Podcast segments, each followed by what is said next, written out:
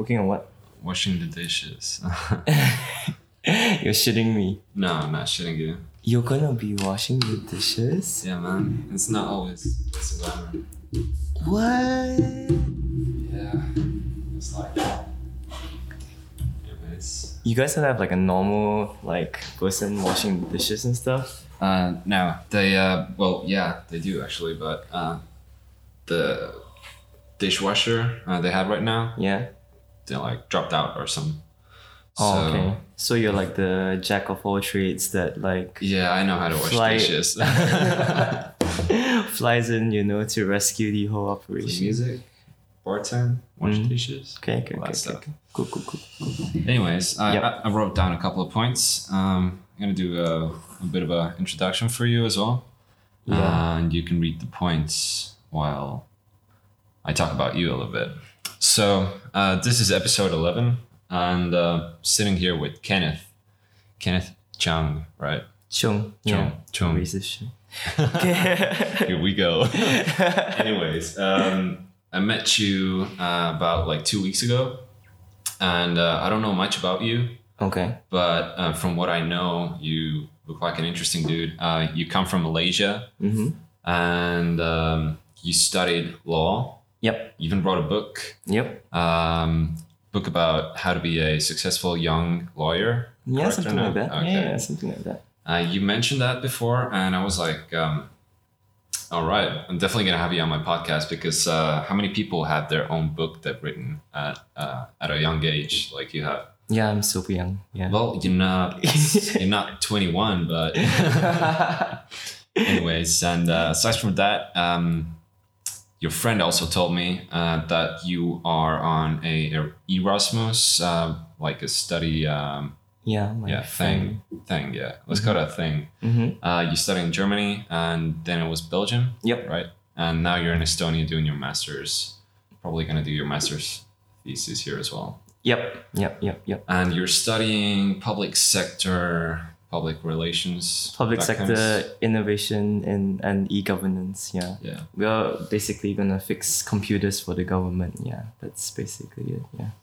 Cool. Mhm. So that's that's about as much as I know of you. And uh, did I miss anything? Yeah, I guess like uh, I mean I'm a working professional. I was uh, in strategy consulting for a couple of years. I worked uh, with the Ministry of Education in Malaysia. Like uh, did a couple of cool things there. So yeah, Okay. yeah. But um, how are you liking the studies here in Estonia? Oh, it's freaking awesome. Um, it's just that like uh, studies in Europe are different from what it is back home. Uh, I expected a little bit more like case study based type of stuff, like practical things, and uh, it's it's like a little bit more theory oriented sometimes, which is basically yeah. Just in Estonia, or was that also in Belgium or Germany? It's it's a European thing, European like uh, yeah, which is pretty interesting. Uh, yeah, and not at all what I expected it to be. Yeah, Mm. yeah. I like because I was working in uh, education, and this is one of the things that uh, we've always tried to fix in the system to get things more practical and stuff like that. And that's, I mean, tying it back to my book, it's essen- essentially what I tried to write in my book as well. Because lots of law kids uh, in back home, they focus on like the the cases and the statutes and stuff like that. But what they don't know is that uh, you need to focus on like critical thinking skills, creativity, uh, being able to work in teams and stuff like that. And those were the things that we focused on in our book. Yeah. okay. Yeah. So it was a lot more like uh, practical advice from the book. than Mhm. It was uh, theory based. Yeah, yeah, yeah. And it was a good way to pick up my fiance back then. Yeah, yeah. She wrote the book with me. Uh, shout out to Smart Annie. Yeah, yeah, yeah. yeah. um, when did you write the book? How how old were you when you wrote the book? oh shit. Uh, I think I was 22, 23. Twenty two. Yeah, yeah, yeah, That's 22. a, that's a young age, all right. yeah, yeah, yeah. But uh, and the book you wrote it with your fiance. Um, how many how many people wrote the book? Was it two of you or? yeah, it was uh, two of us with like some support with like other friends, but they only like contributed a little bit here and there. uh, it was just mainly me and her. Like we were, we interviewed like I don't know, like a hundred hours of interviews with like lawyers from like eight different firms and stuff like that. They were all Malaysia based, or They were all Malaysia based. Yeah, Okay. we interviewed like cabinet members, Supreme Court judges, attorney generals, and shit like that. So that was pretty. That was a pretty cool process. Yeah. hmm what was uh, what was studying law like in Malaysia? Oh, it was so shit. Like. Uh, It's like, uh, for example, I'm, I'm gonna give some context. Yeah. Uh, I have a friend uh, who I met up with yesterday uh, over a long time. He studies uh, law in Germany, hmm and uh, from what I've heard from him, he's a very philo- philosophical dude. Uh, Okay. and uh, he um, he reads like uh, Greek, um, what's it called, like mytholo- methodology or Uh, like that. mythology. Yeah. Mytho- mythology. All the. Greek epics and stuff all like that, that. stuff yeah, and uh, he kind of uh, he says he relates to that uh, on the basis of law uh, from what he's studying at school Mm-hmm. because it's all like very theory based like what is uh, what is ethical or what is moral or what is unmoral Mhm. and all that stuff uh, so um, was was that kind of what how your studies in Malaysia were like well? it's part and part, right? Uh, and no offense to your friend, but uh, people like that are, are exactly why politicians suck right now because most of the politicians that take law and like they like spend all their time like focusing on these like deeply theoretical philosophical concepts and like don't really know how the world works they they are exactly what's wrong with like the legal fraternity and like and these people are usually become members of parliament and stuff like that at least in my but, country But like, uh, how do you say that? Based on like these people definitely have like practical skills as well, but don't you think that having those, uh, having the knowledge of those moral like uh, could be a good moral compass?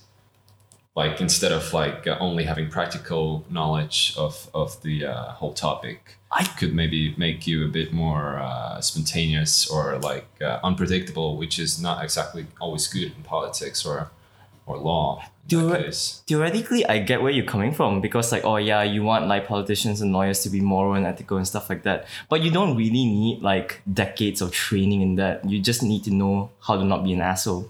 But and then these lawyers they come out with like these grand notions of idealism and stuff like that. They ascend to power they become a politician and then they are they need to co- they need to like re reimagine the education system or how taxation works or how agriculture uh, subsidies are. Do you think like reading like a Greek epic would help them make these data driven empirical decisions? No, they essentially like go back to like, oh yeah, my gra- like conceptually this is right conceptually this is wrong but they don't know how to make good decisions and that's what what makes lawyers like that what makes lawyers really hated in a lot of like circles and stuff like that they become these bullshitters that don't know what they're talking about and like uh, yeah but they're really They have a convincing very uh, good uh, way of speaking. Exactly, exactly. So like one of the skills that lawyer, I, I mean, I got back home was like the ability to convince people really well. Oh yeah, you talk well. Yeah, yeah, I, talk talk pretty well. well. I, I talk pretty well. I talk pretty well. Yeah, Yeah. yeah,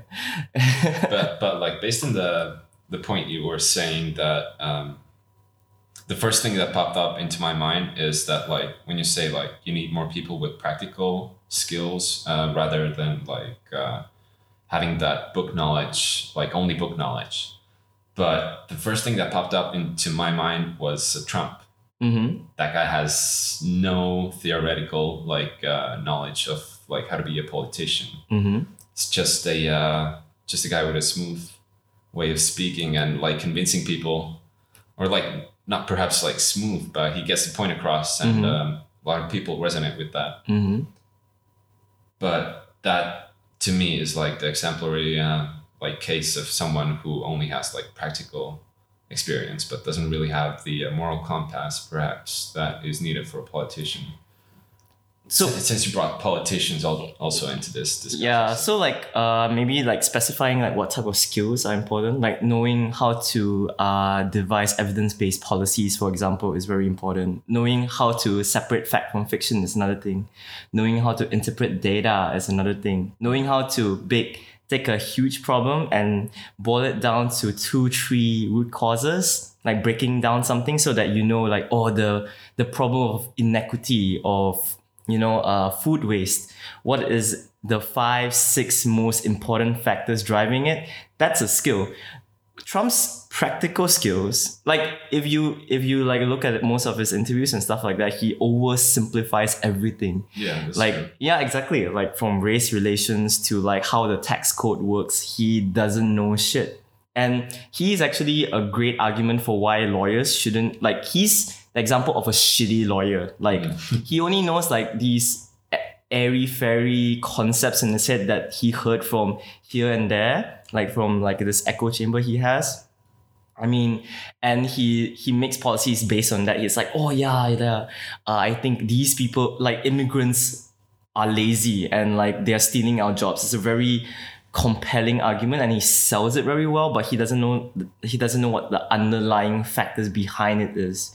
Like he says, oh, this this wall will solve everything, but it doesn't. Yeah, that's an example of like taking a really cons like a be- really broad concept and like just trying to push it through. I feel like uh, what he does a lot is uh, he speaks, he says those big phrases that we're gonna make these changes, uh, perhaps change the tide of like the entire immigration wave in U.S. or maybe change the war in the southeast. But he uh, he only says those things. He never he never actually does them. So um, maybe someone with a uh, more elegant way of speaking or like someone who has a better knowledge of like politics and uh, also the theory based things could actually get stuff done instead of like uh, instead of just speaking Exactly right. Like that's why we need to, and like you and I are working on like the hack, uh, like uh, our project after the hackathon is actually related to this. Like, how do you get really smart people that have these skills, like evi- like knowing how to interpret data, knowing how to you know break down a problem in a very structured manner, to be able to be eloquent at the same time, to be able to convince people at the same time. So how do you get these engineers and economists to be really good at selling their ideas, and at the same time getting these charismatic political science leader, uh, political science graduates, these lawyers that really can like sell bullshit very well. Teach them skills about like how do you interpret a graph? How do you like look at root causes? How do you create a Like, business plan? critical thinking Exactly, exactly. The skills, these underlying skills that are so well beyond what they learn in university are the things that we need to give them. And then we can actually make a more balanced, holistic society. And that's why I'm really excited to do this thing with you because I, I really believe in this problem that we have that people don't really have the skills outside of what they learn in their small little worldview. And like, that's how we create a better, more educated society and therefore a better world. Oh my god, so We- bullshit. Yeah. oh my gosh. we can touch down on that topic, uh, but we we really uh, just kickstarted here right Mhm. now. Uh, didn't even have time to get drinks. Do you want a beer or a water, or what do you want? I would Let's- like uh, gin and tonic. Yeah. gin tonic. Yeah, yeah. Alright. gin tonic. Well, I think we can pause for a second. We'll be back. So, I'm back.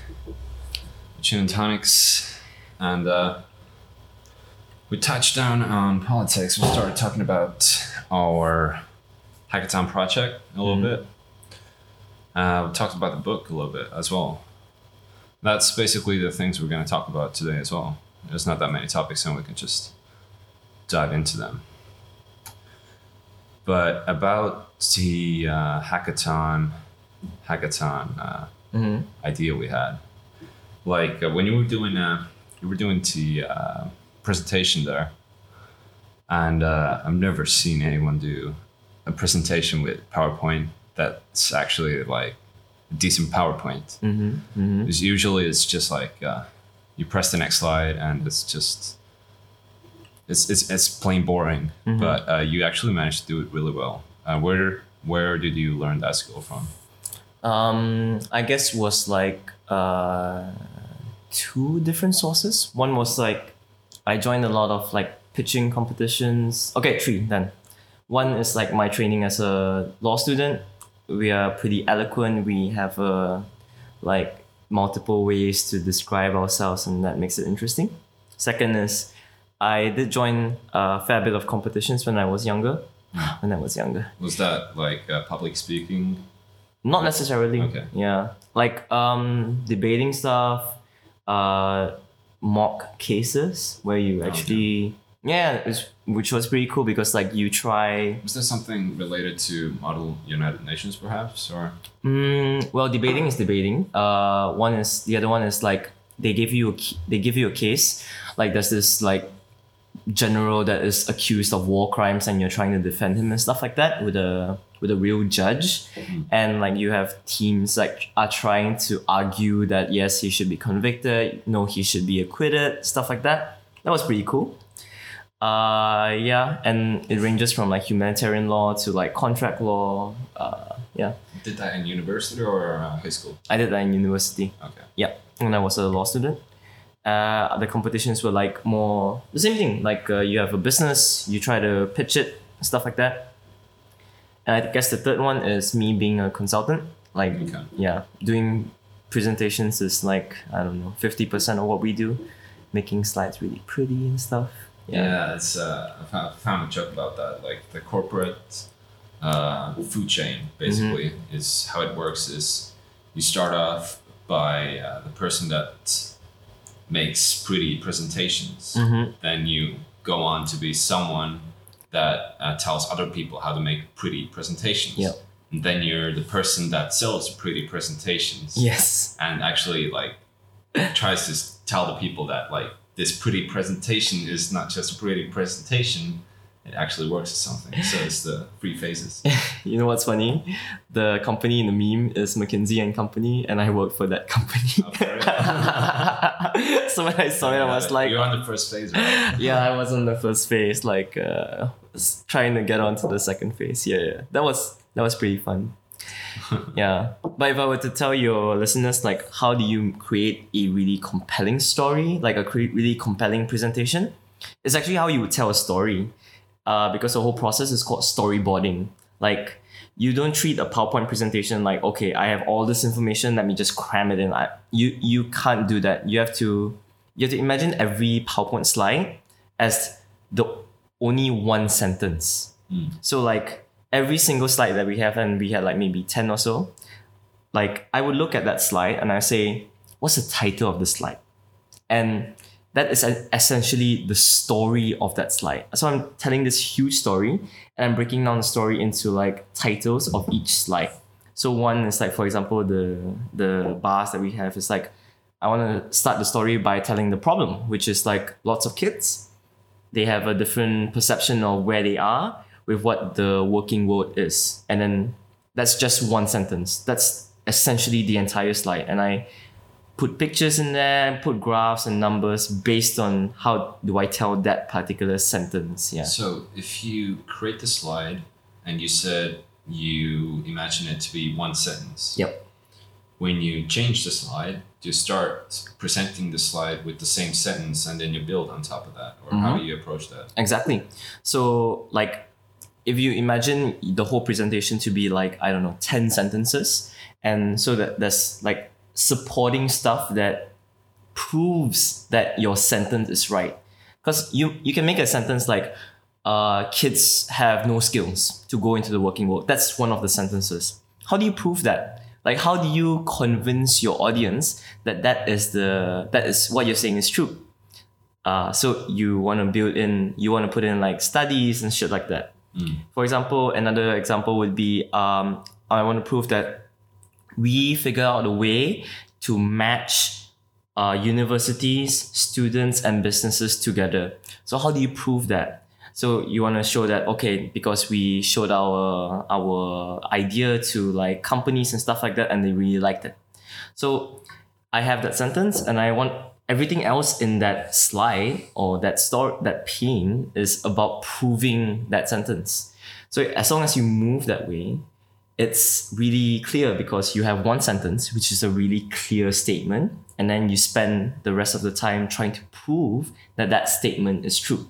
Yeah, so that's the basic gist behind it. Yeah. Okay. But uh, well, yeah, it's it's gonna be a lot more difficult to do something like that uh, in a three minute presentation, but say you had a 15 minute presentation.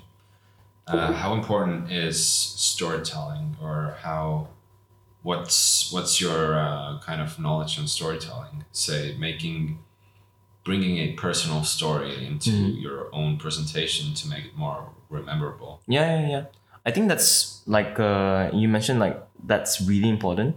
It's about making it very relatable, and and how do you make it relatable is through the eyes of another person, uh, like an average Joe that everyone in the audience like, ah, I I can relate to that guy or that girl or that person. Like I I know a person. Yeah, I'm being really inclusive.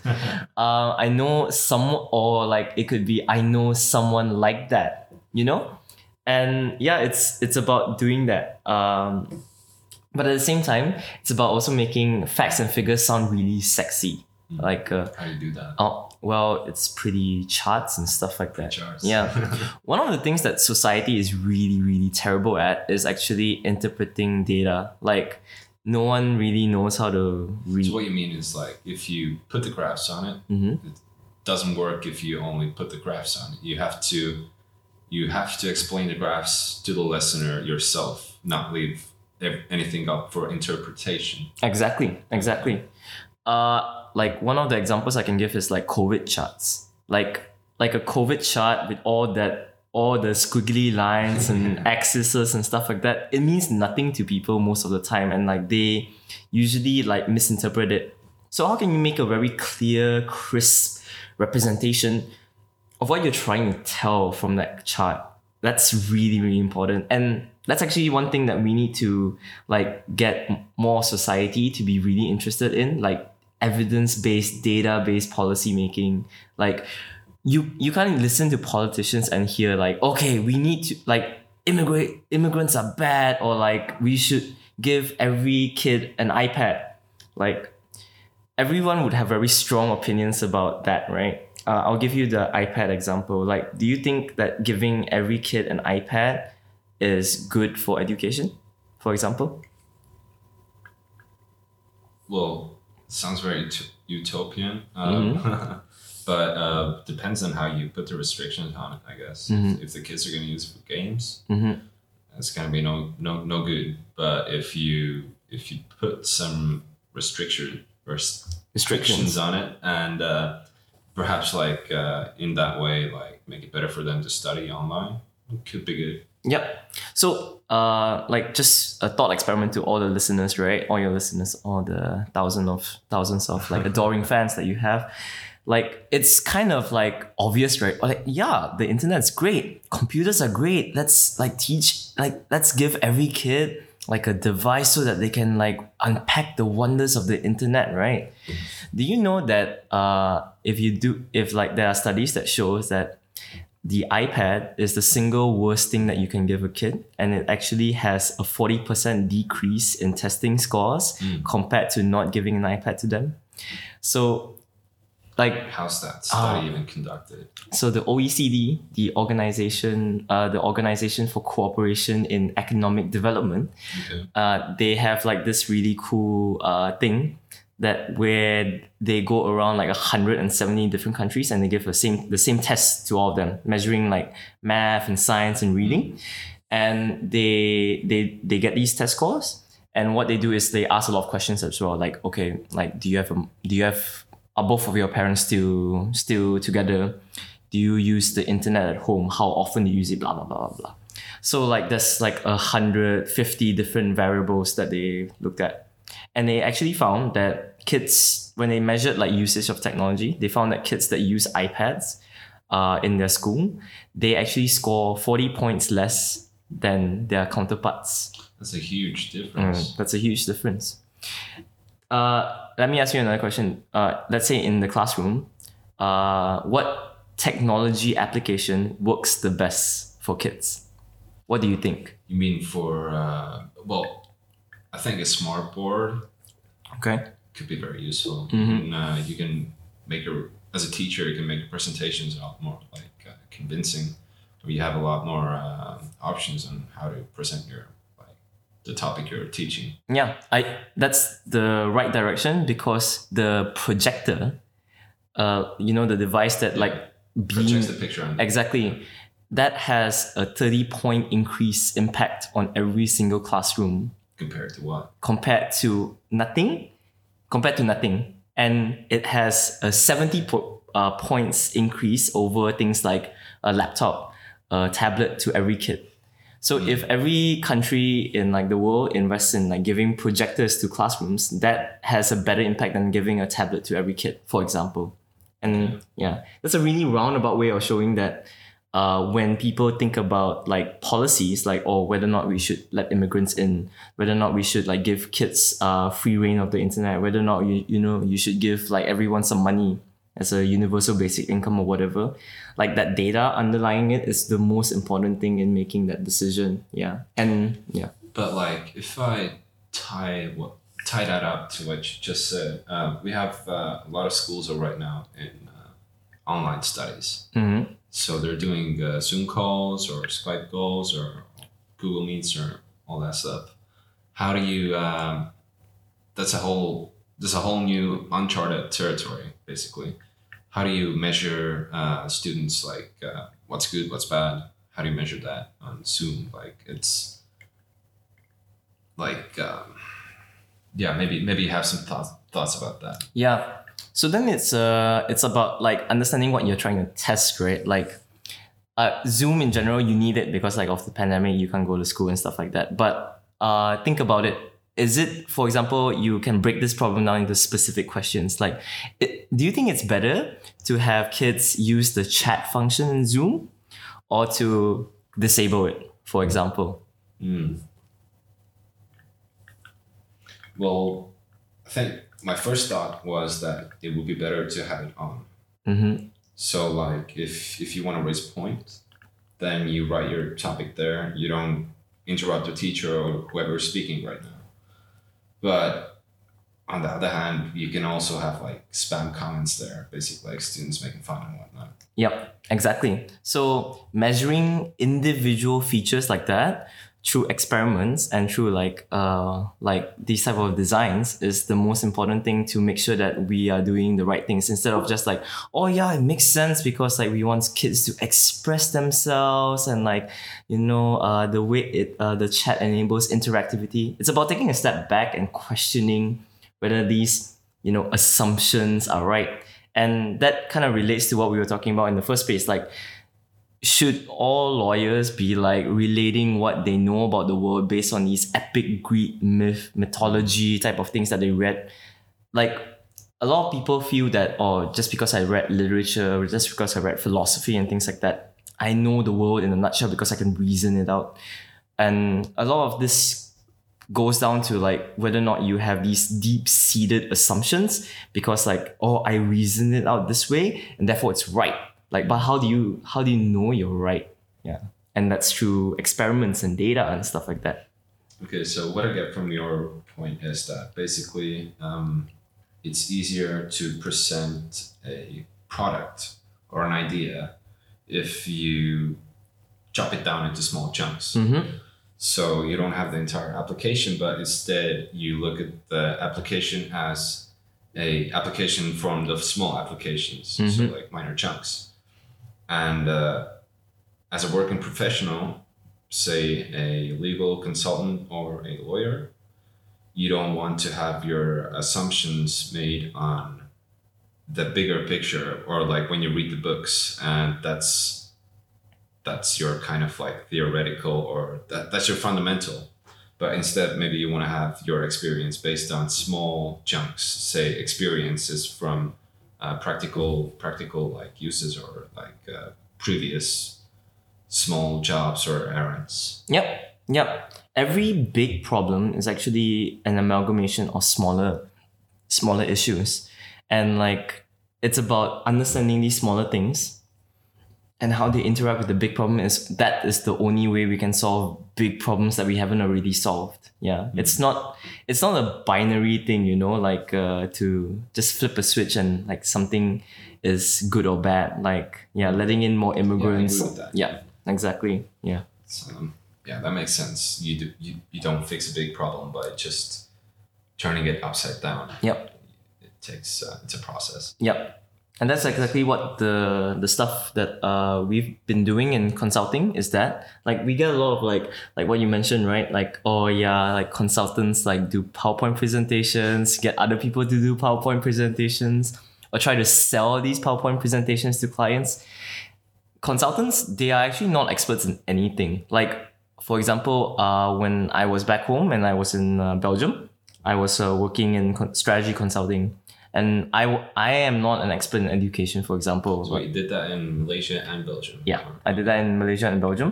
Okay. and um, I, I was not a teacher. I had no pedagogical training. I was not like in any way or form associated with like the education industry in a very deep practical way. But the skill sets that i had was how can i look at a problem and dissect it down into three four root causes and then analyze these root causes in a way that no headmaster, no teacher, no minister could ever do because they never had these skills. And when you do that, you actually look at the problem in a more in a different light, in a more very data driven way that is manageable. So that it's like, oh, how do you solve kids being dumb? Like it's a huge problem, like and it's yeah. Okay, yeah, I get that point. Mm-hmm. Uh, but like, don't you think that um, this skill you have from the general uh, is perhaps from the get go? It, it doesn't. You ha- you haven't learned it from uh, being a consultant. Maybe you learned nothing from being a consultant. Mm-hmm. You can, you can deny that, but uh, but maybe this is something you had uh, in you, like inherently. So. Uh, Do you feel that people have inherent traits? I feel like there could be some things that like uh, define you as a person in your young age. Maybe something you do like unconsciously, or something your parents do, and you're surrounded by it. It, it could give you some a, a thing or 2 Mm-hmm. uh, in your longer life experience. Say like if your parents listen to good music, chances are you're not gonna listen to shit music when you're grown up. You might have a phase where you listen to weird music, but you're probably not gonna get off track with that. What do you think about that? To give you some context, like for example, I'm a first generation university student. Like my parents had never had a uh, formal education. Uh, my grandparents from Malaysia, uh, they got to Malaysia uh, from China, and they like my grandma. She scraped barnacles off of ships uh, when she got to Malaysia. Like they were brought over by the British and stuff like that. Uh, yeah, hashtag British. Um, and like my mom and dad, they never had like enough money to go to university and stuff like that. So they, when I like I I can vividly remember when I was trying to apply for like schools and shit like that. They had no clue how to help me. Like they had no idea about the process. Even before that, like me studying for my examina- my exams in like high school and stuff like that, they really wanted to help me, but like they had no idea how to do that. Makes sense. Yeah, they absolutely no idea. So like I would try to tell everyone that like uh no one inherit at least this is my perspective. Like you might be a sum of parts of your experiences and stuff like that, but no one inherently uh, is unable to achieve something. I feel. Uh, yeah, of course, like I had it better than a lot of other people. I didn't grow up in Thailand where it's cold all the time, so like uh, yeah. So I mean, Inherently solve something? Definitely not. Yeah, Mm. but I think like inherently you can still have some things yeah, uh, that could um, give you some sort of a leverage. So Yeah. you're talented in something, but just talent won't get you there. mm-hmm. It still takes a lot of, uh, hard work. effort and hard work. Yeah, true, true, true. Um, but yeah, it's it's interesting to hear that you're the first person in your family, um, in your family, to go to university or Mhm. like uh, higher education. Yep. How does it? Uh, what do you think your parents think? Um, I think my parents are pretty happy, and like uh, I'm actually really different from the rest of my family. I would say, because like uh, yeah, I'm not the shyest person. If you have Mm. noticed, Yeah, but like my my mom, my dad, my brother, they're really shy people. Like they're super introverted. Like What, what, what do you mean by shy? Is it like uh, like if you saw them at a dinner party, they don't speak unless they're spoken to. For example, like it's not you. It's not common for them to like, oh, give a viewpoint or anything. They're not really outspoken or whatever. You think you were like that before uh, before you came to Europe or is it something you've uh, perhaps learned here No, no, that was before that was before I came to Europe. Yeah, yeah. Mm, okay hmm that's funny Yeah. what, what do you think you've gotten that from Um, I guess like it was a mixture of friends as well. Like I had really cool friends that, uh, for example, my best friend, uh, he's uh, I know I knew him since I was in kindergarten, Mm. and like we went to like a couple of schools together, and like a lot of people. I would attribute like some of my ambition to him because like a lot of people always like looked at him and was like he's the son of a really like important person and like they were like oh yeah he's going to achieve a lot of things and me as his friend i've never like i wouldn't be i wouldn't say that i was like oh yeah i like i hate this guy because like uh, everyone notices him instead of me because like uh, of like fact other factors.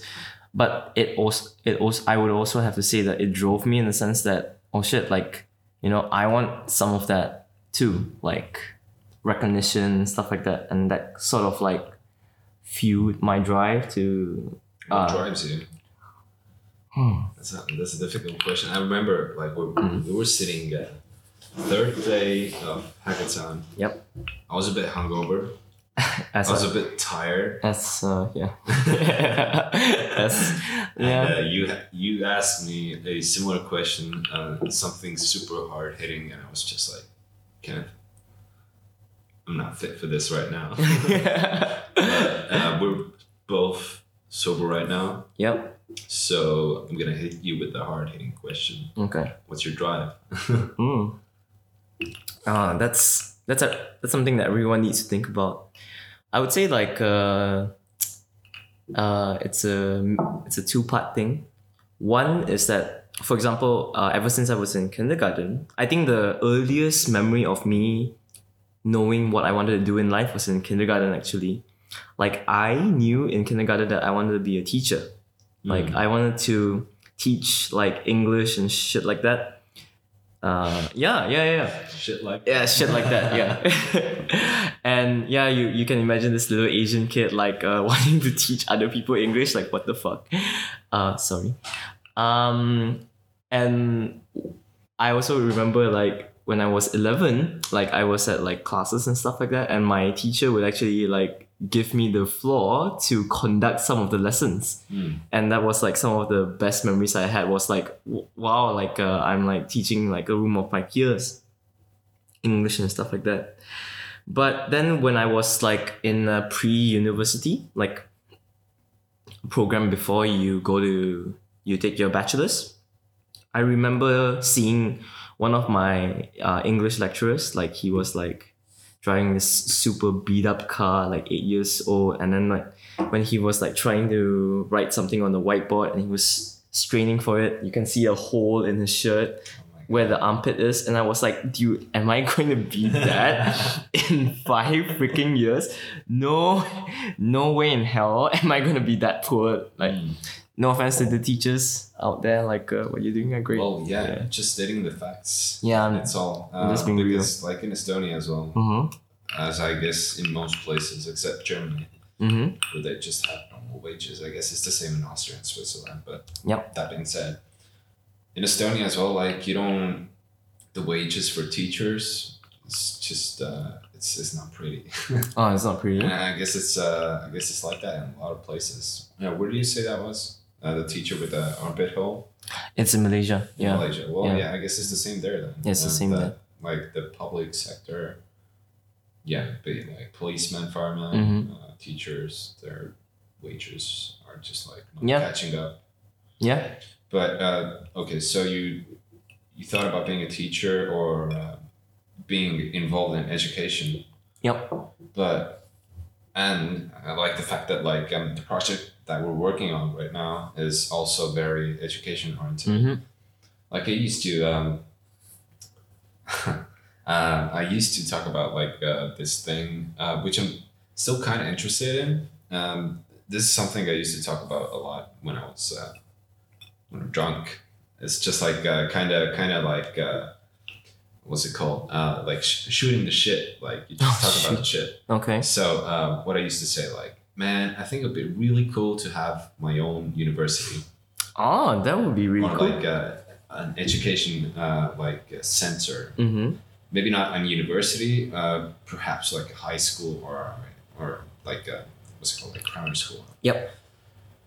But like uh, once I started studying university, and uh, I kind of had this uh, sort of a uh, I neglect the whole system because I don't like the way that the teaching system works right now. I Mhm. feel like uh, if if I were to have my own university, it's a very iffy thing, but uh, then it would be a lot cooler if the school was the school itself was already a exemplary uh, like a place of where you see sustainable energy perhaps and it's all visualized and it's all very practical but i don't think you can have that as a primary school or uni- university because you can't certify that or like if you have uh, speakers coming there uh, like making uh, doing actual dialogue with the students and it's not test based Mm-hmm. but how do you how do you certify something that is not test based So like um this is a really good point and it like it's so it's it touches something that I love, which is about reimagining the education system. And I think a lot of people are really passionate about that. Uh, and I would like point to a couple of examples right all around the world. Uh, there is there's this um, company, there's this startup or whatever. It's called Kido Code. to code Kido Code. key to code No, no, uh, Kid K I D oh, okay kid uh, O kid o okay, Code C O D E. okay got it. Yeah. That's- So that's- yeah. such a rough name to spell I know, right? Like, uh, I, I never thought that'd be worse names out there than skill you oh, screw you, man. so, yeah. So this kiddo code, I think you came up with this no freaking no no it wasn't me Oh yeah. I said yeah. it sounds like kill you Oh, I was trying to make like the logo like S and Yeah, S K U, and it's like eh, it look it looks like kill you, and I'm like, dude, like what the what the hell? What the hell were we thinking? We like we're definitely gonna change the name yeah, we would definitely have to rebrand or some shit like that before. Yeah, Like yeah. uh, Yeah. we still got time anyways Yep.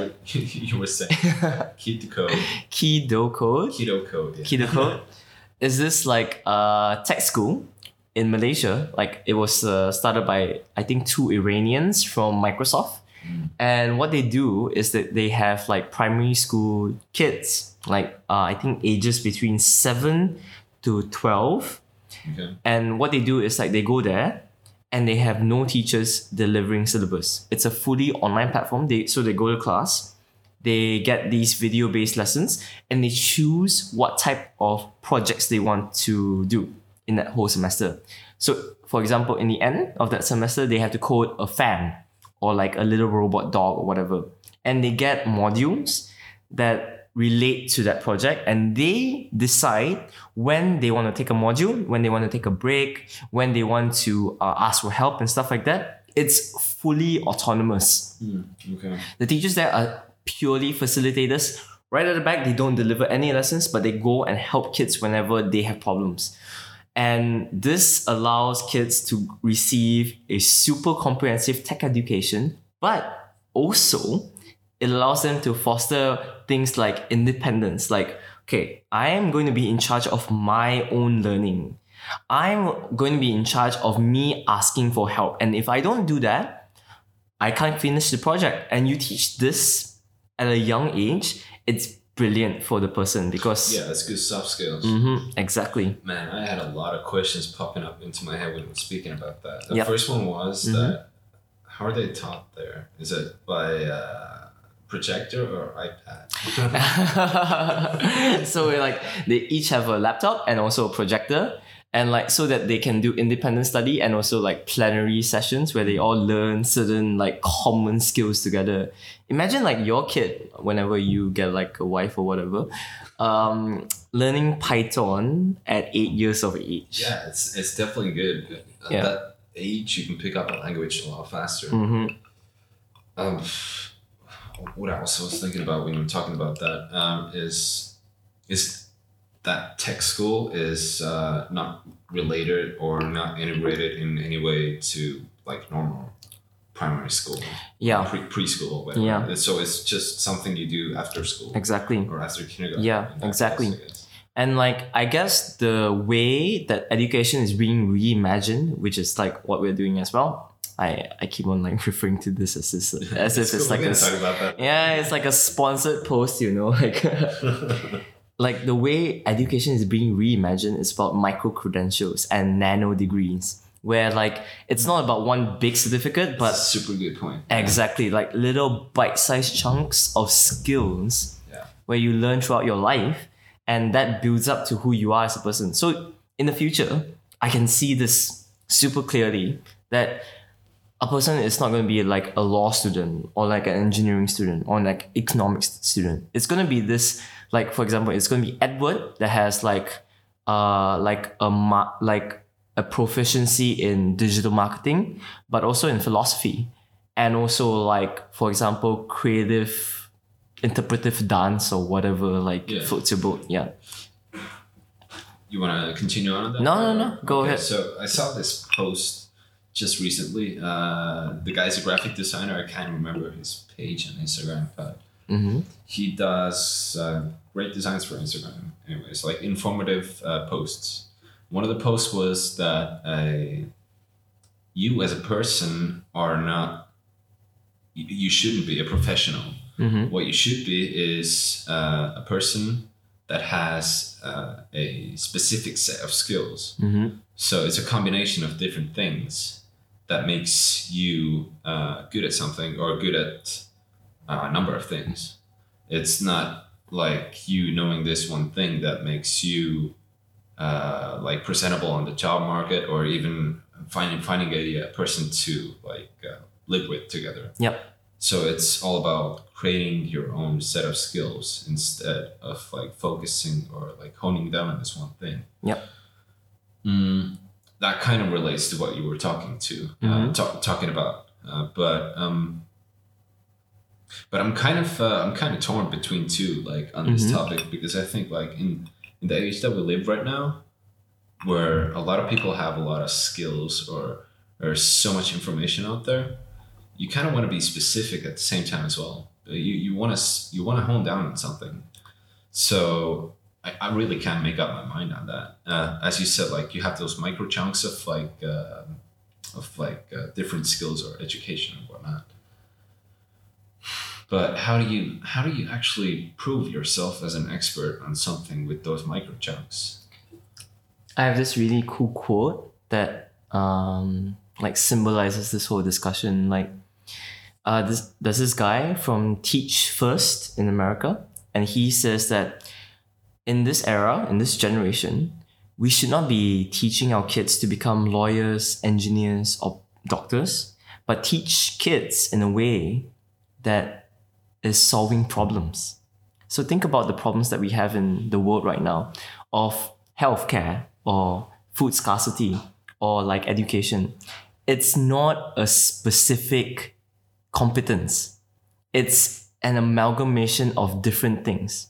So think about, for example, education. It's not just about being a teacher. It's about understanding social welfare. Like the it's about understanding family dynamics. It's about understanding nutrition Yeah, that's a good point. problems in the world are never one single discipline anymore. Hmm. It's an amalgamation. It's called the wicked problem, right? The the remaining things that we have in society is about wicked problems. And wicked problems are an intersection of so many different factors that you can't even imagine that have an effect on this main problem.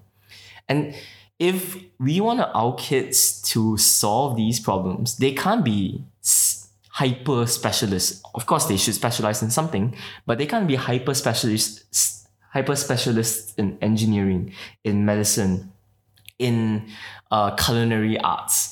Like they have to tackle that problem with an adaptable, multidisciplinary mindset. And that is what's going to make a change in society rather than, you know, you're just, you know.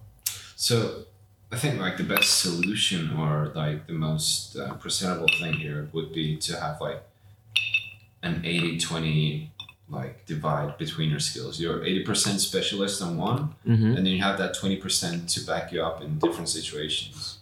So a good example would be perhaps like when you wrote the book, Mm-hmm. you were 80% lawyer or like you knew you knew what to write about. Yep. You knew the ins and outs of, of that topic.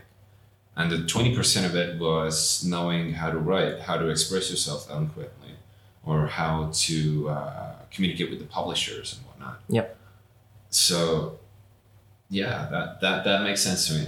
That makes sense. Yeah, yeah, yeah. I think that's a great way to put it. Like, you do need you do need to be good at something, definitely, like build a deep expertise. But a lot of times, a lot of people think that that's all I need. Like, and that was the point that uh, me and my fiance uh, were pressing on when we were writing that book. A lot of law students, they were focusing on the law all the time, and they were neglecting other things that would enrich the profession or themselves.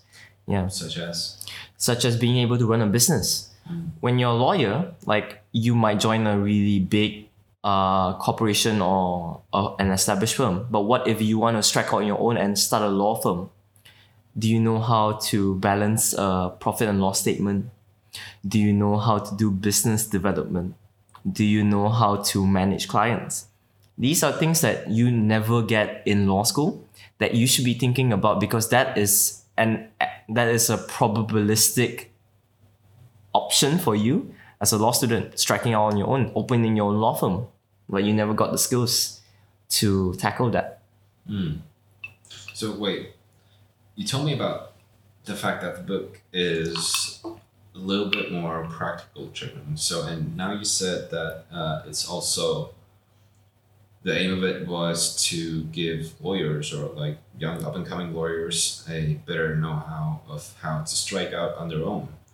Um, what what else was written in the book? How, how did the book like do in Malaysia? Can you talk Uh, about that a little bit as well? Because I think like you mentioned it, but uh, we didn't really dive into it when we were talking in Taltech. mhm. So I'd be really interested to hear about that. Yeah.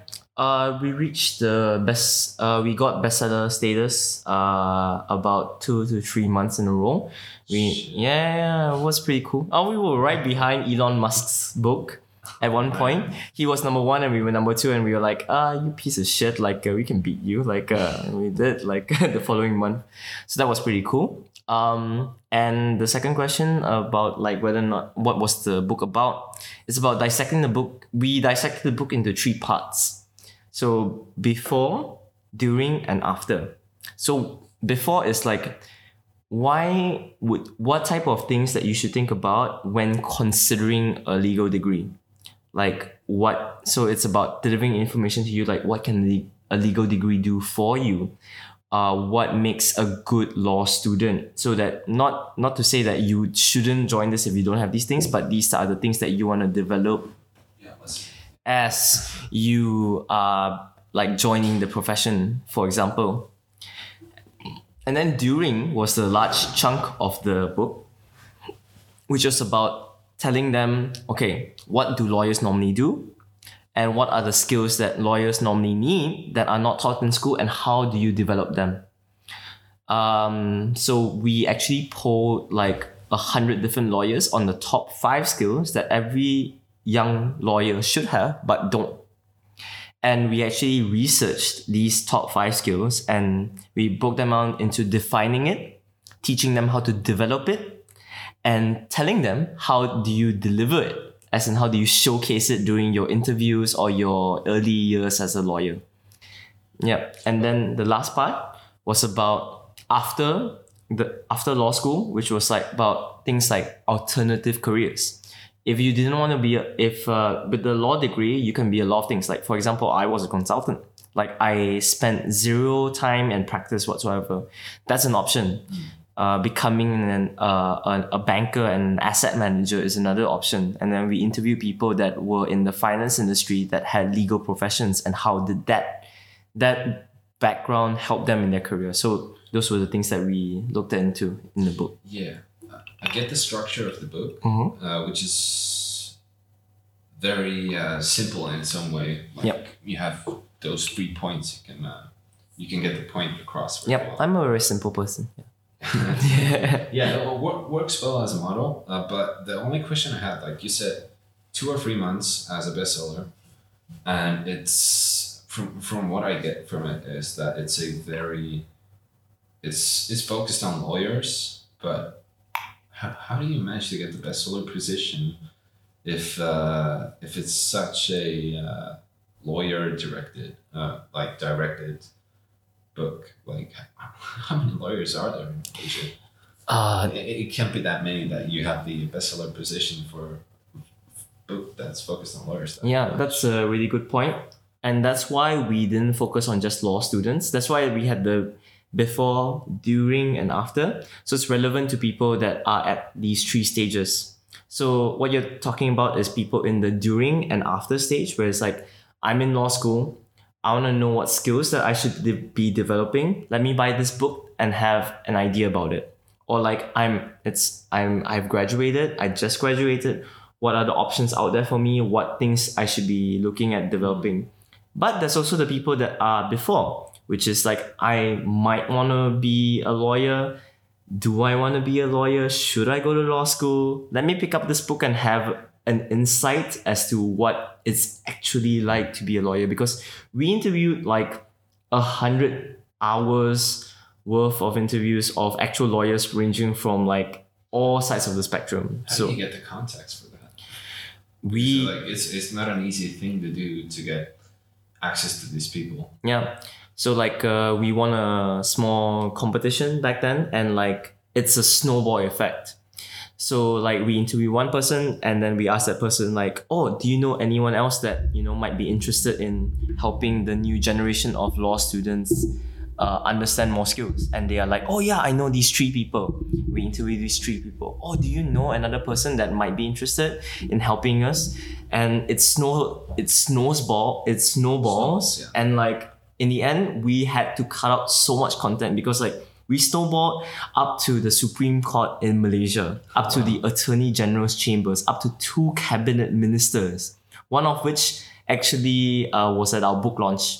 Like uh, our book was launched by a cabinet minister, so that was pretty cool. Uh, yeah, it's so and that's something that I would like to like stress on. Like it's like never be shy in asking for what you want. Like it's like you might go to a lawyer and they, you might think be thinking like, oh, you know, I'm just a small little fish. Like they won't be interested in helping me. Like no, just be bold. Just ask for something, and you will be really surprised as to what you can accomplish at the end. That's really that's something that I am really passionate about. That's that's uh, yeah, that's definitely something I agree on as Mhm. well. It works a lot better if you sometimes just do it instead of like uh, thinking, instead of thinking, yeah, because like if you do it, then you're gonna have this situation where you might get rejected. Well, it happens. Mhm. But if you don't do it, then you you're gonna have regret, and Yep. regret is something that you're gonna drag on with you. It's Mhm. a burden. Mhm. So it's easier to do it and then know like, okay, I failed. What can I do better next Yep. time? Um, Same But- applies to asking goes out. Yeah, definitely. absolutely, yeah. yeah. but uh, you only have to do it a limited time, like limited number of times. yep. Not English. Uh, but anyways, the, the question I have, and the question probably uh, someone that's listened to, listening to this right now is also gonna have is, you wrote the book, uh, you know the ins and outs of law, you have a context in the uh, profession in Malaysia, and uh, but you're not involved in law in any way right now. What happened, or like, uh, yeah, what happened? Um, this kind of relates to the earlier this earlier discussion that we had, like what drove me as a person. Like I wanted to be a I want to be a teacher. I I saw that guy with the hole in the shirt and the eight year old stupid shit ass car, and I was like, okay, I don't want to be a teacher anymore. and I kind of sold out and like I was thinking, oh, lawyers make some money, and uh, some of my family members, you know, Asian family members, they're like, oh, you do law, you got lots of money. um, yeah, that's my best Asian accent, by the way. Yes, Very good. Well, uh, that's a pretty good one, no? Like, uh, yeah, yeah. found it well. Yeah, yeah. Ching chong ding dong ding dong. Uh, I'm so sorry. I'm so sorry. Sorry, mom. I'm sorry, mom. Yeah. She's probably not gonna hear it. Yeah, yeah, yeah, yeah. So I put down my chopsticks and my um yeah, and my and my dog meat, and I was like, okay, I was ready to be a lawyer because like uh my family told me that oh lawyers make a lot of money, so but I was as I was like going through the my legal studies, that passion in me about education and like make getting other people to that level in life, it stayed with me until so that when I uh, went for more like extracurricular activities, competitions, and stuff like that, I got introduced to consulting. And like I met this really cool guy that was telling me like, oh yeah, like I was uh, an engineer by trade, but I helped the Ministry of Education in Malaysia develop an education strategy. So that's an option for you if you are really passionate about education. And I was like, hell yeah, that's a way that allows me to like affect systemic change, but still make a decent amount of money at the same time. So there's always new professions out there that allows So you that to was not that. related to law in any way. Not It, it kind of got your Absolutely. interest, and after that, you kind of lost this romance against uh, law or money in that case as well. Exactly. But like um on the flip side of it, the legal profession actually prepared me for this because in the legal profession, if you don't look at it in terms of like, oh yeah, these guys are like bullshitting and like looking at laws and stuff like that, what is a lawyer? A lawyer is a person that is able to read huge amounts of text and to synthesize and summarize what the most important points are hmm, and to deliver them to another person in a way that is convincing and articulate. So that's essentially what a lawyer is. Take out all the fancy ass jargon, take out all the suits and robes. That is essentially what the role of a lawyer is understanding a problem, a legal problem, understanding what's out there, which are the laws and everything, understanding how it applies to a situation, and delivering it in a way that convinces people. That essentially is a skill to to be a problem solver. You need to understand the context. You need to know what's out there. You need to structure it in a way that is simple, convincing to other people, and then you need to deliver it in a way that convinces other people for adoption. And that's essentially what a consultant is. That's essentially what a problem solver is. So think about it in the terms of the skills, and I I didn't lose any. It, it was still a valuable experience for me. Yeah. Cool. Yeah. Okay. Uh, the, the, I had a question like pop up as well when you were talking about it. Is um, do you write a diary or anything like that? Do you um, if you if if I listen to the way you perhaps like uh, structured the book, then and now when you were talking about like uh, this epiphany moment, and then I thought like do you maybe write a diary? And if if you were to write a diary i think you would be the kind of person to uh, write a diary in a very structured way uh, also like making it uh, writing down the points in a similar way of like uh, one two three like in the before and after and all that Mm-hmm. uh, do you perhaps do that or uh, if, if you don't then uh, do you think that kind of a structure would work for yourself Uh, I personally don't keep a diary, but I do reflection a lot. Like I reflect on things a lot, and I always uh, like what you said, like structure into, like for example, three points of like. I always like to synthesize things like your day, your week, your month is this huge body of stuff. Hmm. But if you think about it, there could be like just three main things that you wanna you wanna reflect on or you wanna be better at in this experience. Like for example, after the hackathon, what were the three main things that I want to work on myself? Like what are the three things that I liked and three things that I wanted to change? When when you think about it in that, that like how do you summarize it into very tangible next steps? It's very beneficial to you as a person. Like for me, I know for the matter of a fact that I'm very I can be very dominating. Like I can be a person that like uh is too loud uh in uh to the detriment of team members. And that's something that I know very clearly that is is a thing that I need to work on. Although like I it might flare up here and there, but it's always at the back of my mind. And the only reason why I know that why I'm self-aware about things like that is because I have done that reflection. Like it could be in a diary or it could be like in a voice note or whatever, but I know that about myself and I I own it and I want to take charge of changing that. Yeah. How much do you know about Stoicism? Stoicism? Yeah. Uh it's the Stoics, it's like an offshoot of Christianity uh to a certain degree, right? No. Um, perhaps. Mhm. But like uh, fr- from what I know about Stoicism, so basically, uh, when I read a book about Marcus Aurelius, Mm-hmm. and uh, he he was a Stoic to the bare bone. Okay. Uh, what and one of his main points was. Uh, he described a lot in his diaries. So the book was basically a summary of all the diaries he wrote, uh, which uh, were like 15 diaries or something like that. Could have been more. I might be wrong here, but it was definitely more than one diary. That's the whole point of it. And uh, one of the points I remember where he described Stoicism in a very simple way was uh, that um, he always reflects on his today and as a stoicist, s- stoicist, yeah, whatever, not like A stone person, yeah, yeah. yeah. uh, he uh, he always understands how little he is in the entire universe, mm-hmm. and he knows that all he has is up here in his head, Yeah. and so basically his mind is a fortress. Mm-hmm. And whenever he's fighting a battle outside the fortress, whi- which is everyday's life, he uh, once he finishes his crusade, he comes back to the fortress, Mm-hmm. And he's safe here in the fortress and uh, he reflects on what he learned Yeah. throughout the battle.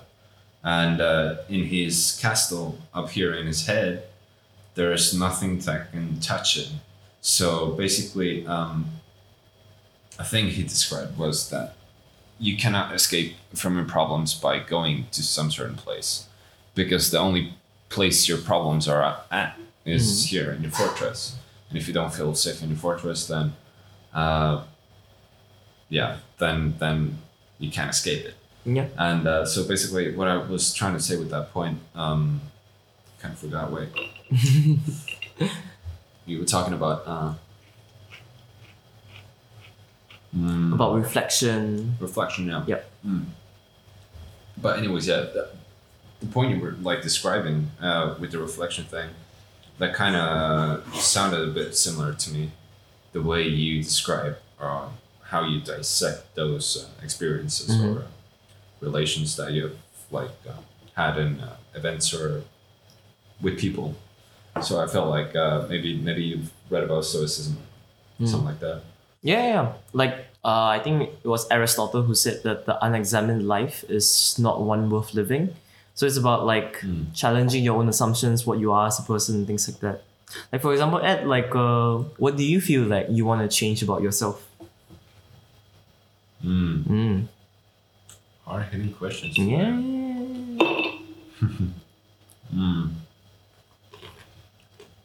Well, I feel like something um, I'm not sure if it's good or bad, but for me, something I've learned is uh, I'm a very uh, like a flare.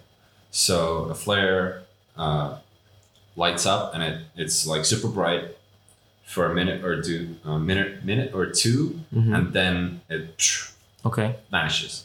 So I feel like uh, this is something that describes me as my um, inspirations or hobbies or the things I work on go as well.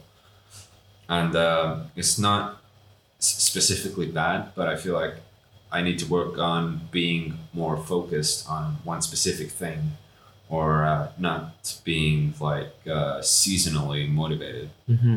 because it happens often that I have this huge burst of like inspiration and motivation, and then it like fades away.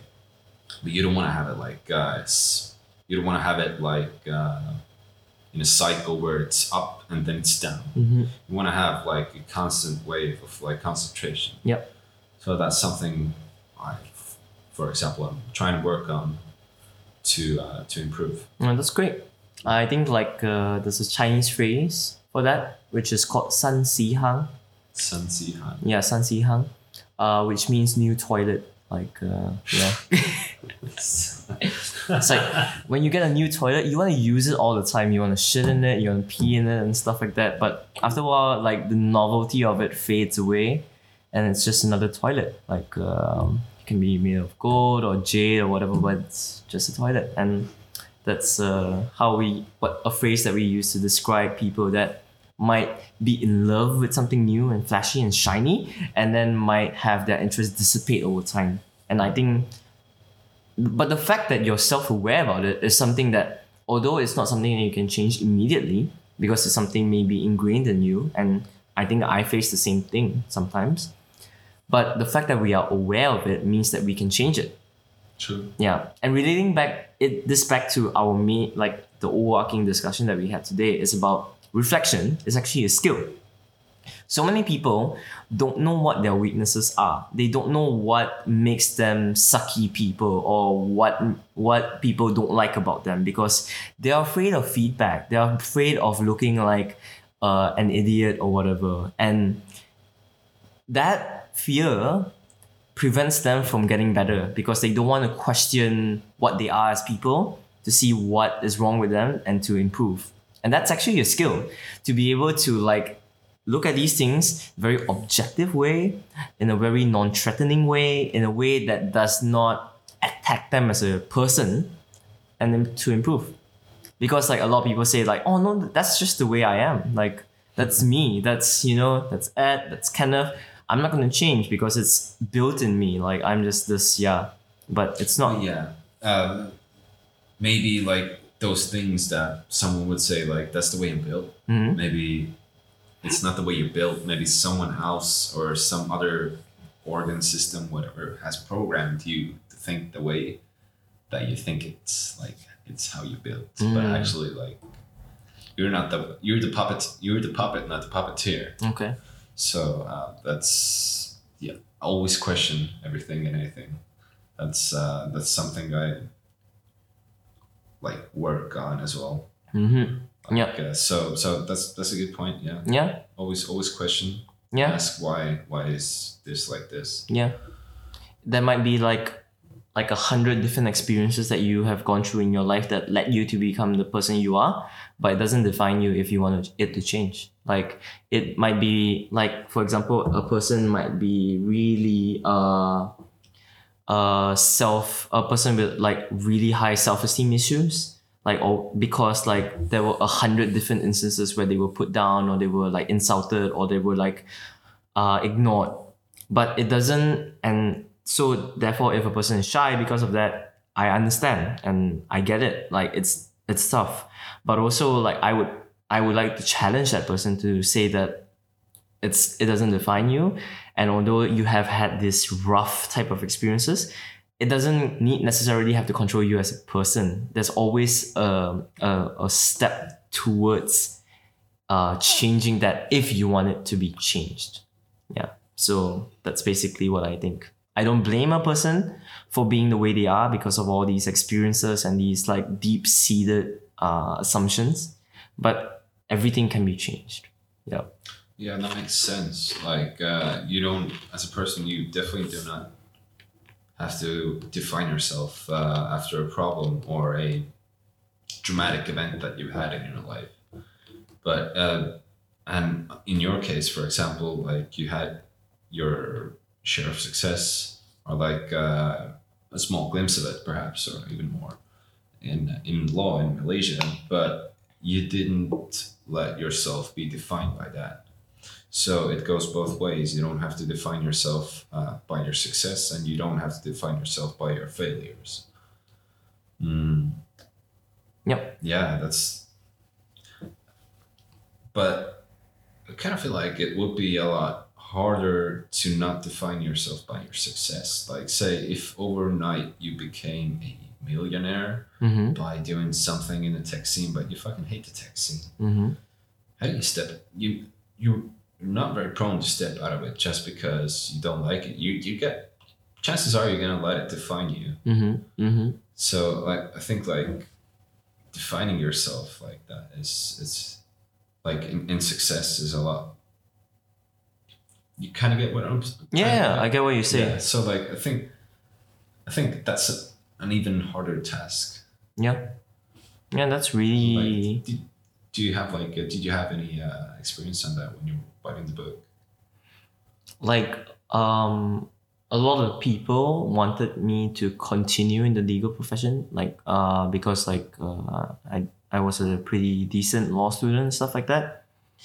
Um and if you could Top of the class. yeah, but that, that doesn't mean shit, you know, like grades and stuff like that. Uh, yeah, I, I got like, for example, I got like uh, an award uh, for the best law and business student in my university back home. But yeah, like I was really passionate about changing the education system as a consultant in the realm of policy. And I didn't care that, yeah, I got these awards, but whatever, like it doesn't change what I want. I wanted to try at least. And I guess it's that. But I'm also very aware of the fact that not everyone has the same level of privilege that we have. Um, that what, do- what do you mean privilege? For example, if a really poor person were to stumble upon, like, for example, this type of opportunities to become a good lawyer and to make like a decent amount of money for the family, and um, or to risk it all and try to start a business, for example. hmm, yeah, you pr- you're probably gonna choose the safer route. then, Exactly, exactly. So Yeah. But it prob- well, yeah. Okay. Yeah. Mm. Carry on. yeah so if if i was in a position where i was like i needed the money like my family needed money or whatever i would have maybe taken the safe route and just be a lawyer and like make uh, a steady income in that sense in something that i would know instead of like okay let me try to get into this new profession whatsoever Do you think maybe that was a bit selfish of you to do that, like to decide to quit law? Because the selfless thing would have been to do it for your family or do it for them Mhm. uh, in that way. Uh, that you do the law and you get the money and it's Mm-hmm. safe and it's you know Yeah, yeah, it could have been like safe and stuff like that, but this is my freaking life, you know. They can suck eggs for all I care. Like, uh, I'm, yeah. If they, uh, yeah. Sometimes I get jabs uh, from my family, like, oh, you know, you could have been such a a lawyer, and it's such a prestige thing, right? Having your kid to be like a hotshot lawyer, which is hmm. ironically the name of my book, the Hotshot series. yeah. What's it? Yeah. the full title of the book for It's called- someone that wants to look it up? Yeah, it's called the Hotshot series, the legal line. Yeah, The legal line. yeah, Hotshot series, the legal line. So our initial plan was to write like a series of books like legal line, the finance, the finance hmm. field, things like that. You know, sexy sounding titles. probably do something like that in Estonia as well. Yeah, yeah, yeah, yeah. might be cool. Yeah. Yeah, yeah. Man, but writing a book, don't really get a lot of money for Nah, you get you So, get like, nothing. it's, it's You not get- a very lucrative thing. Yeah, you get nothing. Especially for us because like early on we pledged to donate fifty percent of all profits to charity. So yeah, we definitely did not get much money. You regret that, right? no, charity. yeah, charity is great. Like, uh, yeah. know that face. But yeah, let's see. We talked for uh, an hour. Yeah, it's been a good talk so far. Um, yeah, really interesting, man. good stuff. Let's look back, reflect a little bit here. Mm-hmm. What have we gone through? We started off with Trump and politics, which was kind of like that was a real offshoot.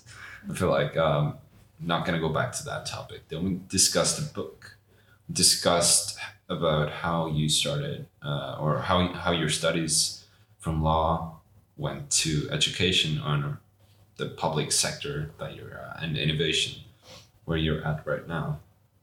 So discuss those. I'm gonna check. Uh, I'm gonna have a quick glimpse at the notes I took. Maybe, maybe, maybe, maybe there's something else.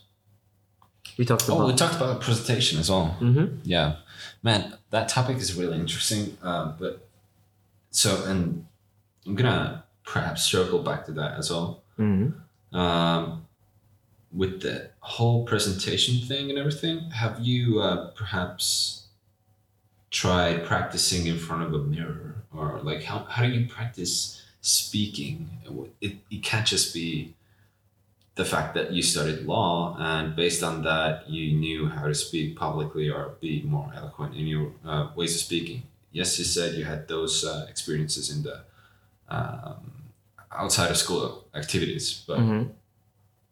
but like uh, have you had any uh, uh, ha- have you practiced it by yourself as well or like uh, or is it only only the experience from those activities Mm, I wouldn't say like a lot of people would. Uh, a lot of like techniques are out there to like practice and like have this like um imagination. Like when you imagine yourself delivering the presentation, stuff like that.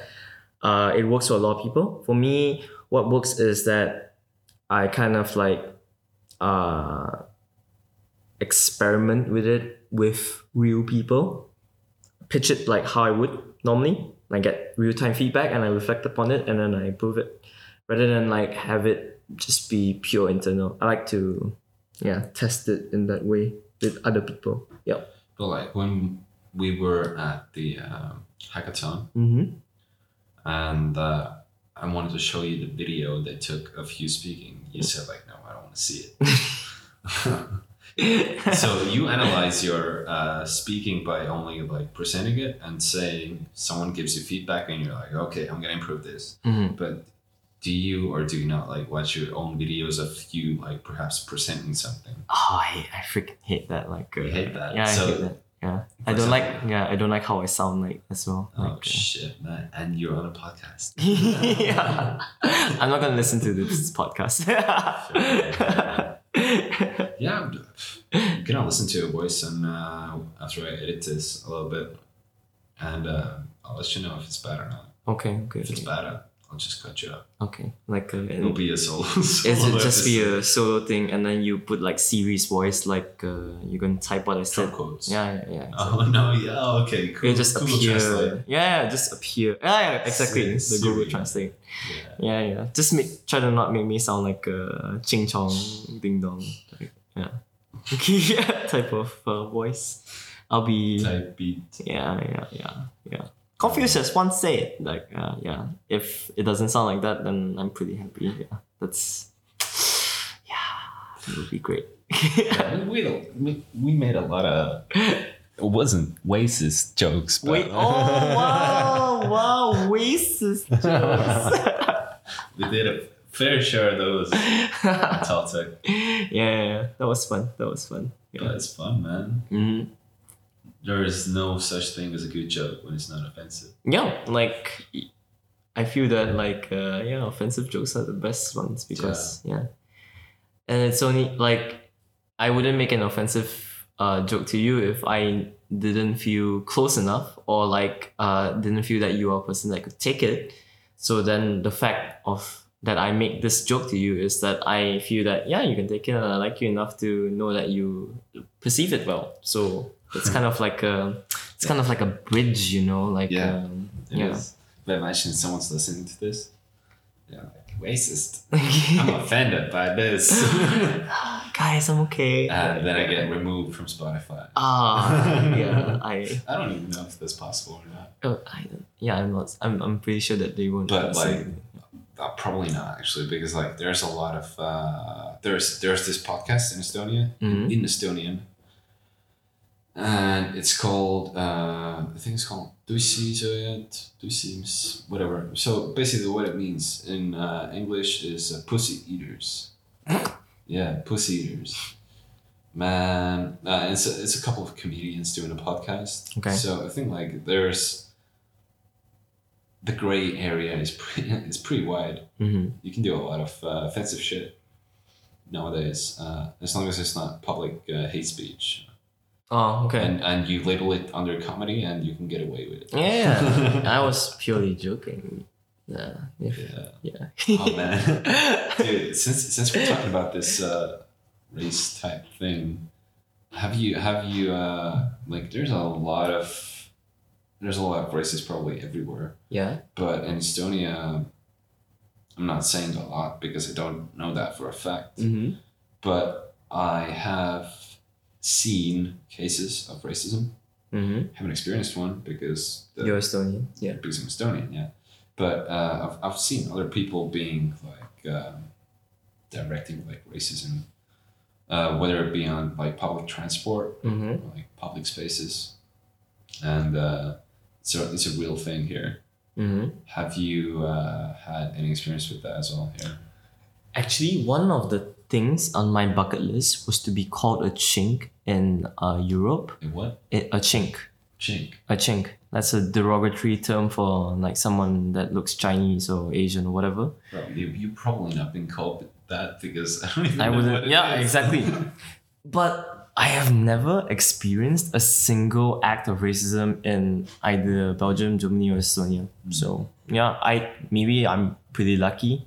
I guess maybe yeah. Like I haven't experienced it myself. Yeah. Yeah. So I'm pretty. I wouldn't say like it, because it's on my bucket list. I wish that that happens at least once. So I'd be like, hey you snowman fucker like uh, shut up. Yeah I, I have these like So you- repository You're gonna thank him when someone says you that. yeah yeah yeah yeah yeah yeah, yeah, you reindeer eater like uh, Dog eater. so yeah I haven't I haven't experienced it yet and uh, that's pretty cool. And like the last time we were here like freaking hell like the Estonians were super warm like uh, yeah. We were, we were partying together some chick took my bat ears yeah Oh yeah, man, the costume. yeah yeah yeah I dressed up as a bat for Halloween Uh, Yeah, yeah the Corona bat. the Corona bat yeah Yeah, you look, you look mighty good in it. Yeah, yeah, yeah. My family thought that I would never survive that night, but like I proved them wrong. Yeah. Survival, why not? Someone's gonna eat you. Yeah, yeah, yeah. Like, we don't eat bats in the Estonia. yeah, exactly. Some other Chinese guy would like, oh my god, it's dinner, and like start, but snatched you. yeah, yeah, snatch me off the street and like uh, suck my blood or something. Yeah, which was Suck your blood, alright? yeah, yeah, yeah, yeah. It's been a long, it's been a long year being away with my fiance, so that would have been the most action that I've gotten so far. So I might have let him suck my blood. But yeah, Wait, what does your fina- uh, fi- fiance do? uh, she's in. She's still Uh, in law, right? uh no. No, she quit as well. Yep. she's in uh, fintech. Fintech. Oh, Yeah, cool, yeah. cool, cool, cool. Yeah, yeah, yeah. yeah. It's a, it's a In Malaysia, right? Yeah, it's in same Malaysia. How's the fintech scene in Malaysia? pretty booming uh pretty cool uh her company just uh, closed like a series of funding so they might be one of the unicorns in malaysia Shit. yeah, yeah. that's uh that's really interesting so she can pay the mortgage while i just chill at home that's Yeah. pretty nice yeah She's gonna be a sugar mom. she's gonna be my sugar mama like uh, Yeah. yeah stay home take care of the cats yeah that's my dream right You there better learn how to cook. I, yeah yeah yeah If you don't, you're not gonna last long. yeah, yeah. I, I I made a lot of reservations for a lot of like uh, adopted dogs back home so that I have a steady chain of like dinner supplies. So that's uh, that's my plan. For the listeners who didn't understand, that was sarcasm and irony. Yeah, yeah. I don't actually I don't guys I don't actually eat dog by the way. what What is the craziest thing you've eaten actually? Ah, oh, like um, me and my brother, we ordered uh, alligator meat from Australia. It tasted like butt, like yeah, tasted Like what? like like butt, like You ass. butt. You No, that's how I imagine ass to taste like. That's yeah, it was really gross. Like, yeah. What's the weirdest thing that you've eaten? Oh man, I've eaten a lot of weird things. Mm-hmm. Mm, I told you this the the story about the dog, but uh, there's also I've, I've eaten monkey brains, I think that's pretty weird. Oh yeah, yeah. Uh, that's a big thing in China. Yeah. you- Yeah. Was it alive at the time? No, not that I'm aware of. When Okay. when it got got to the table, the, the brains looked pretty Pretty. pretty stationary. Okay, pretty dead. they were in a soup. Yeah. In So- in the past, like people in China, they like have these tables with holes in them, and they would like put the monkey in there, and they would cut off its skull, and like you could eat it like live. So savage. Gosh, yeah, like How do you how do you even justify doing something like that? I don't know, man. Like, uh, yeah. What's the moral compass of I, that? I, I, I, I can't brain. Like, I would never in a million years do anything remotely close to that. Like, it's just disgusting in my book. Uh, yeah, that, that just crosses a different kind of boundary. yeah. If you you eat the thing and you know it's alive at the Mhm. same time when you're consuming it, Mm-hmm, mm-hmm. and it's uh, it's not like you're eating warm. You're eating something that actually has feelings. Yeah. It's, it's a monkey, man. Yep. It's pretty close to our relatives. Yeah, yeah, yeah. It it literally feels pain and it's like screaming as you are dipping your chopsticks into its uh, noggin and dipping it in, in soy sauce and eating it. Yeah, yeah, yeah, yeah, yeah. That's nuts. And I'm pretty sure it doesn't even taste that good. So yeah, like dude, like come on, we have like pork and beef and chicken and veg- vegetables. Like that's that's that's good for me. Yeah, It's crazy. yeah. Monkey. Well, yeah, mine, mine was definitely dead when it got to the table. Mm. Uh, only eaten it once. Haven't Do you like it? It's just one of those things. You you eat it and you're like, okay, I've done it. Mm. But it's not like I'm gonna cook monkey brains for Sunday evening with my family. Yep. It's just something you you like. Okay, well, It's like an epic I thing know that what you it did. is, yeah, yeah, yeah, yeah. yeah. yeah. but yeah, it's crazy to think like if definitely not like every person thinks like oh, okay in my life I want to eat monkey brains once, but imagine like if every person on earth thought about like okay, I want to try eating a bat Mhm. once in my life. Mm-hmm. It's gonna be a lot of bats. It's gonna be a lot of dead bats. It's gonna be a lot of dead bats. So like. Um, I'm happy we don't have that. I am glad too. Bats are disgusting wild creatures, and you should not be eating them. PSA. Like, uh, yeah, like, uh, yeah. So eating the monkey was just the same thing. Like I'm looking back at it, like it was like okay, cool, I did that, but didn't really gain anything from it, and it wasn't like it's, it's not gourmet. It's not gourmet. It's just boring. Yeah, yeah. It's it just tastes like soy sauce in the end. Yeah. Yeah. So um, man, go vegan. Oh, ah, I'll, I'll start with like being vegetarian like two days a week first, and then like work my way from Have you there. tried it though? Yeah, yeah, I'm vegetarian. Have you been for a longer period of time? No, no, no, not like not like a con- oh, maybe two months pure vegetarian. Mm. Mm-hmm. Two months. Yeah, Did that? yeah, I did that. It's a long time. Is that a long time? The Okay. longest I've been is a week. Oh, okay. Yeah, Just uh, it's easier in Asia maybe because like we have like Indian food and Indian. Mm, yeah, probably. I mean, there's no. Well, yeah, mm. Yeah, no, I'm not, sure, but like in China, for example, based off of my experience, Mm-hmm. there's like so many more things out there. Oh, yeah. Like be it like plants or vegetables or whatever. There's things you hadn't even imagined before. And they put that put those things in the dishes as well. So um, yeah, chances are you might have a better chance of being a vegetarian there. Yep, yep, yep. Uh, especially back home, because like in Malaysia, like it's the Malays, which is like the the main, uh, the main people there. And then there's the Chinese that were that were brought over by the British, and also the Indians that were brought over by the British, and then the indigenous people. So kind of the uh, how are they divided by like percentage? Or like Also, it would be like sixty percent Malay, ethnic Malay, Malay, um, and also the indigenous people because like they kind of interchange it. I would say 20, 30 ish percent Chinese, and then uh, the rest would be Indian, for example.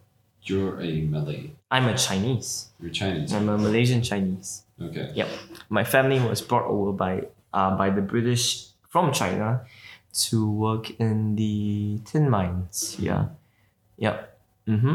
And then yeah. Okay, but you were going. Where were you going with that? You were going somewhere. I was going on the fact that the fact that you have this multicultural society means that the food is fucking good. Like uh, yeah, Mm. because like we have like really authentic Chinese food, Malay food, Indian food, and like Aboriginal ab- Aboriginal food and stuff like that. And like it's a food haven. Malaysia is like a food haven. So yeah.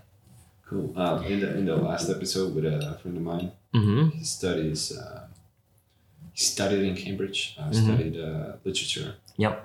Uh, super smart dude, and we talked about food as well. Mm-hmm. Uh, mostly, we talked about how food is. Uh, what what kind of a role food plays in people's relationships. Okay. And the point he br- uh, brought out was that uh, the more domesticated a relationship is, Mhm. the more you cook at home, uh, the better the relationship is, or the more memories you have with the person, because a lot of the memories are uh, related uh, with uh, cooking or with food or sharing the, the process of making it and eating it What proof did he have? uh, proof. Uh, he brought out his own life like experiences. He said like uh, the more he's cooked with someone Mhm. in, in a relationship, the better the relationship has been. And guys, this is why you always ask for proof because like these literature people are gonna use these facts to bullshit you without empirical evidence and like say that their personal story is like it's validated throughout the whole society. So always ask so always ask for proof, always ask for studies, always ask for justifiable evidence. Yeah, yeah, yeah. Yeah. Yeah. But anyways, I throw shade on you, Cambridge guy. uh, yeah. he made a good point though. He brought his own personal story. and So Then I can it bring wasn't up book based. Yeah, I can bring another personal story about me cooking with my bitches at home and we didn't have a good relationship. So like, But who's right now then, huh? has you had have you had any any of that like in your life as well? Like with all the good food in Malaysia, all the uh, all the dogs and everything. Yeah, yeah. Have you how, how much you cook at home? I I don't really cook at home, uh, because like we have had like uh, help, uh, to cook for us. Don't know how to use chopsticks. Or, Well, yeah, like, uh, hmm but when I got to Malaysia, I, when I got to Europe, sorry, um, I had to start cooking and I use YouTube and stuff like that. So before I got here, I barely could cook a dish. And the other day, I was making this like uh, roasted chicken with like uh, white wine reduction with butter, garlic, you and do know how to use a stove and an oven, right? no, I'm just kidding. But uh, why, why I made that joke? why, why I made that joke? you sack of shit. No, no, I'm good. yeah. You're good as well. But, Okay, uh, okay, okay. Why, why I brought that up is that one of my friends like told uh, me a story of some student from some foreign student, anyways. Let's say in Tartu uh, was uh, there was a living uh, ca- campus or whatnot, like you know the living apartments, shared living space is what it's called, I think hmm and uh, he uh, he saw a guy cooking with an open campfire in the room, and they said like, "Dude, you need to go outside. Don't do that here. Yeah. This is not normal." Yeah. And the next day, uh, they got on alert that the same guy was cooking outside next uh, next to the living uh, shared living space, like the building, Okay. under a tree, like cooking his evening meal. Okay. Like, dude, What ethnicity is this person? like. uh, from from Africa. Ah, okay, okay, okay. I don't know, man. Um, people just need to adapt, yo. Like, uh, That's crazy. for for example, for me, I got here. I would say I I've had rice maybe ten times in a year. Like, dude, like just adapt. You know, like I'm here. I'm gonna eat reindeer, whatever you Estonians eat. Like, uh, yeah, Reindeer? reindeer. Reindeer is good. You know that place with the reindeer meat. What place? Oh fuck. There's a place with reindeer meat. I'll tell you. Like uh, dude, we, yeah, we should uh, Oh, we're gonna do the Korean barbecue. So Yeah, yeah, yeah, yeah. I'm yeah. looking forward to that. Yeah, we're gonna eat Val, uh, Val's uh, wife, right? Like, uh, no, no. oh, that's not what you mean about Korean barbecue. We're not- barbecuing Koreans. Okay, okay, okay. All right, well, I, th- I think we can stop here. yeah. Uh, we, we can uh, perhaps go over. Um, what do you think is the best thing you said during today's podcast, or the most, the one thing you would give for me or the listeners Mm. uh, to take away from what you said? it's about like um, reflecting on yourself like you are not what you think you are uh, as a result of like whatever trauma or experiences that you have and like there's always some way forward if you focus on like breaking down your problems and your skills into bite-sized chunks and like understanding what's the next course of action yeah so that's what i would just end on Cool, that's good. Uh, yeah, man. Uh, so basically, I'm very happy that I got you to come here today. yeah happy to Had a good talk, Yeah. and uh, it went down kind of the way I expected it to go. mm-hmm. mm Really, just got into the conversation fast, and Mhm. uh, that's how it went. Yep. Super cool. okay Uh, last thing, where can people find you or contact you if they have any questions or if they're interested in asking anything from you directly or something like that? i guess you tag me on facebook or linkedin yeah yeah You have LinkedIn. I have LinkedIn, yeah. you need to create LinkedIn, man. This Like- guy's toast. Oh. Alright. That's it. Cheers. Bye. Cheers. Bye.